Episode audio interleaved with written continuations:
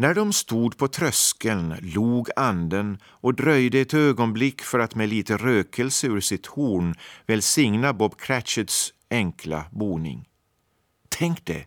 Bob hade bara 15 shilling i veckan och ändå välsignade julens ande hans hus med de fyra små rummen.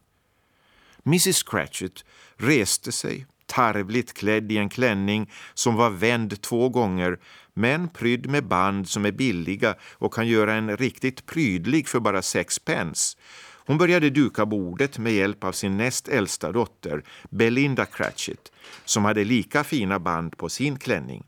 Medan unge Peter Cratchit stack med en gaffel i potatisgrytan och när han fick snibben av sin väldige skjortkrage Bobs privata egendom utlånad till hans son och arvinge dagen till ära, i munnen gladdes åt att vara så elegant och längtade efter att få visa sig i all sin stass i en av de fina parkerna. Och nu kom två yngre medlemmar av familjen Cratchit, en pojke och en flicka, inrusande och skrek att de hade känt doften av gås utanför bagarboden och känt igen familjens egen gås medan de hängav sig åt vällustiga tankar på salvia och lök dansade de runt bordet och uttryckte sin oerhörda beundran för unge Peter Cratchit som fastän nästan strypt av sin krage, inte höll sig för fin att blåsa på elden tills den långsamma potatisen var färdig och ljudligt trummade mot grytlocket för att bli upptagen och skalad. Men var i all världen kan er käre far hålla hus? sa mrs Cratchit. Och lille Tim?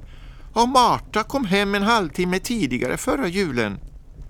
Här är jag mamma, sa en ung flicka och trädde in i rummet.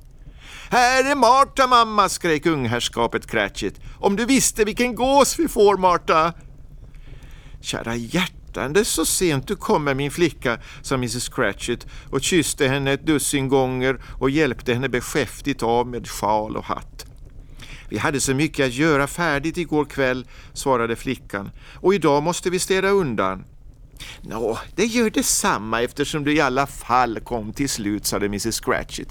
Sätter vi brasan och värm dig, kära barn. Nej, nu kommer far! skrek ungherrskapet Cratchit som tycktes vara överallt på en gång. Göm dig, Marta, göm dig! Marta gömde sig och även lille Bob Husfadern kom in med åtminstone tre fot av halsduken, fransarna oräknade, hängande framför sig och med sin luggslitna rock så borstad och putsad som högtiden krävde. Han hade lille Tim på ryggen, ty den stackars Tim gick annars med krycka och hans bräckliga lemmar hölls uppe av en järnställning. Men var håller vår Marta hus? utbrast Bob Cratchit och såg sig omkring. Hon kommer inte, sa mrs Cratchit. Kommer hon inte? sa Bob och hans goda humör var plötsligt borta, helst som han hade varit Tims häst hela vägen från kyrkan och kommit hem i galopp. Kommer hon inte hem på juldagen? Marta kunde inte ens på skämt se sin far nedslagen utan rusade för tidigt fram bakom garderobsdörren rakt i hans armar medan ungherrskapet Cratchit bar ut lille Tim i brygghuset för att han skulle få höra julpuddingen fräsa i sin kopparform. Nå, hur uppförde sig lille Tim? frågade mrs Cratchit när hon hade skämtat med Bob för att han hade låtit lura sig och Bob hade kramat sin dotter av hjärtans lust. Han var god som guld, svarade Bob. Han får så många tankar i huvudet för att han sitter så mycket för sig själv och ibland kommer han på de underligaste saker. På hemvägen från kyrkan sa han att han hoppades att kyrkfolket hade lagt märke till honom därför att han var krympling och att det kunde vara roligt för dem att vid julen tänka på den som hade botat de lama och blinda. Bob darrade på rösten han berättade och darrade ännu mer när han tillade att lille Tim höll på att bli stark och, och duktig. I detsamma hördes barnets krycka slamra muntert på golvet och lille Tim kom in och leddes av sin bror och syster till sin stol vid brasan.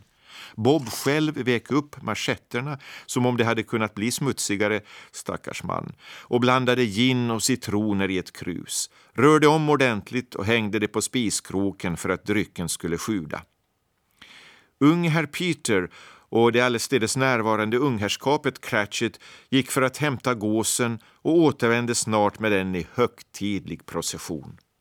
Det blev en sådan uppståndelse att man nästan kunde tro att gåsen var den sällsyntaste av alla fåglar.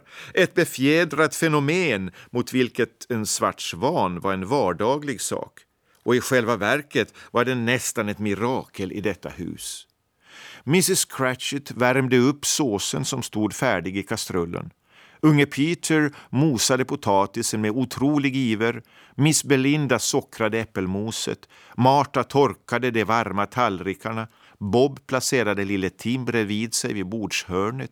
Ungherrskapet Cratchit satte fram stolar åt alla, sig själva icke att förglömma, och ställde sig på post och stack skedarna i munnen för att kunna hålla sig tysta tills det blev deras tur att få med av gåsen.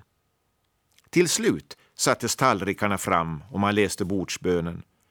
Den efterträddes av en andlös tystnad medan Mrs Cratchit eftertänksamt granskade förskärarkniven beredd att stöta den i bröstet på gåsen.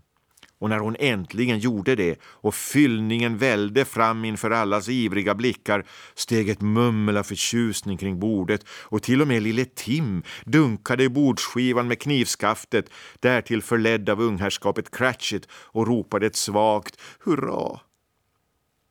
Aldrig hade man väl sett maken till gås.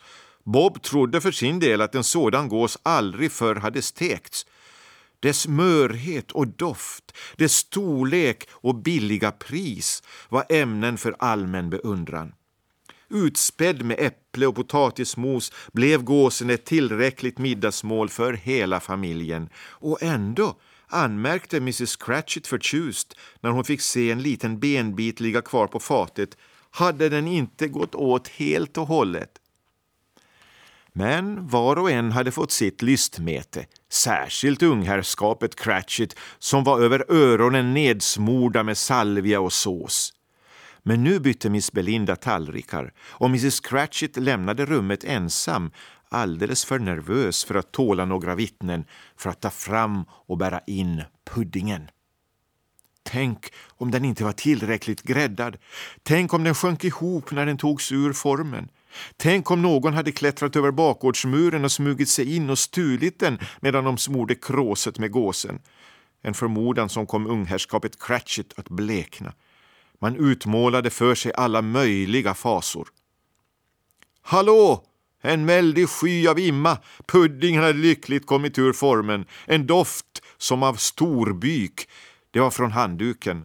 En doft som av värdshus och pastejbagare bredvid varandra med en tvättinrättning som ytterligare granne. Det måste vara puddingen. Och i nästa minut inträdde Mrs Cratchit, het och ivrig men med ett stolt leende bärande på puddingen som ligger där hård och fast som en prickig kanonkula omgiven av lågorna från ett halvt kvarter brinnande konjak och prydd med järnekskvistar i toppen. Åh, vilken underbar pudding! Bob Cratchit förklarade själv mycket lugnt och bestämt att han ansåg det vara den största triumf som hans hustru hade firat sedan de blev gifta. Mrs Cratchit erkände, nu sedan stenen fallit från hennes hjärta, att hon verkligen haft sina tvivel huruvida mjölet skulle räcka. Alla hade något att säga om puddingen, men det föll ingen in att vare sig säga eller tänka att det var en liten pudding för en så stor familj. Det skulle ha varit rena hädelsen. En Cratchit skulle ha rodnat över att höra en sådan antydan.